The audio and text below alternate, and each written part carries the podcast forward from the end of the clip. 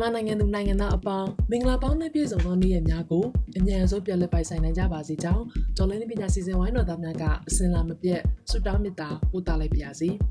စစ်အာဏာသိမ်းမှုစတင်ကတည်းကမြန်မာနိုင်ငံကအင်တာနက်သုံးစွဲသူတွေရဲ့ဘဝဟာလုံခြုံရေးဆိုင်ရာစိုးရိမ်မှုအပြည့်နဲ့ထိတ်လန့်တကြားသုံးစွဲနေခဲ့ရတဲ့ဘဝပါ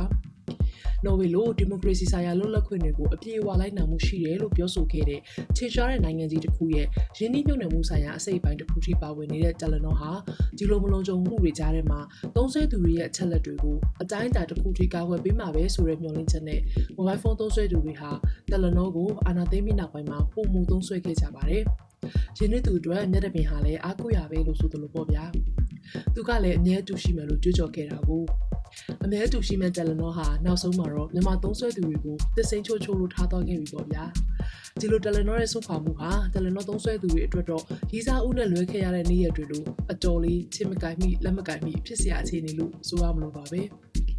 တယ်လနော်တစ်ဖြစ်လဲအတမ်ခေါ်အတန်နဲ့နှစ်ပါးသွားရမလားဂျင်းစိမ့်နဲ့မိတ်တယ်လင်လို့သူမကျင်မတော့ကိုလဲကျင်စရာလားဆိုပြီးခွဲခါခဲ့ရမလားဆိုတာတွေကအတော်လေးဝဝဝဝဖြစ်စေပါတယ် mobile payment တွေအပါအဝင် internet ပေါ်ကဝန်ဆောင်မှုတွေဟာလည်း mobile phone number တွေနဲ့ချိတ်ဆက်အသုံးပြုကြတဲ့နည်းပညာအခြေပြုကာလကြီးဆိုတော့ mobile sim card တစ်ခုကိုပြောင်းသုံးရတယ်ဆိုတာအပြောလွယ်သလောက်အလုပ်ခက်တယ်ဆိုသလိုပါပဲအတော်လေးလို့ရှုပ်ပါတယ် နောက်ထပ်ပုံမစဉ်းစားရတဲ့ပြဿနာကတယ်လနော်တစ်ဖြစ်လဲ atom ကနေတခြား base service ကိုပြောင်းပြီးသုံးပါလေစစ်တပ်ရဲ့ဓာတ်ရိုက်ထိန်းချုပ်မှုအောက်မှာရှိနေတဲ့လုပ်ငန်းကြီးဖြစ်တဲ့ Mytel လား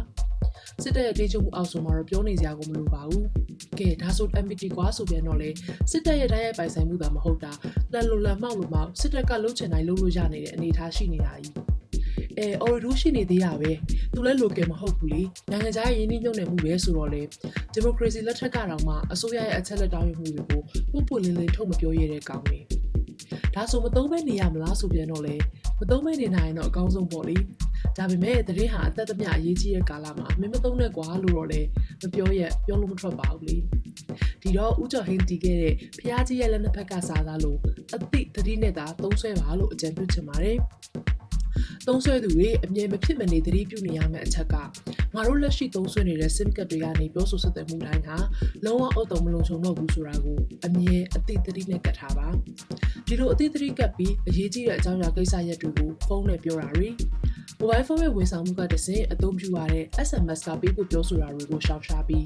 Signal လို့ Telegram လို့ internet ဝန်ဆောင်မှုတွေကတစဉ်ဆက်သွယ်ပြောဆိုဖို့အကြံပေးချင်ပါတယ်။ဒီလို internet ဆက်သွယ်ရေးဝန်ဆောင်မှုတွေကနေဆက်သွယ်တဲ့အခါမှာလည်းစိတ်ချရတဲ့ VPN service တစ်ခုခုကိုမဖြစ်မနေဖွင့်ပြီးသုံးဖို့သတိကပ်စေချင်ပါတယ်။ကျွန်တော်တို့စီစဉ်ကနေအလင်းသစ်တို့သတိပေးနေတဲ့ကိစ္စကတော့ဖုန်းတစ်လုံးကို internet ဖွင့်သုံးသည်ဖြစ်စေပိတ်သုံးသည်ဖြစ်စေ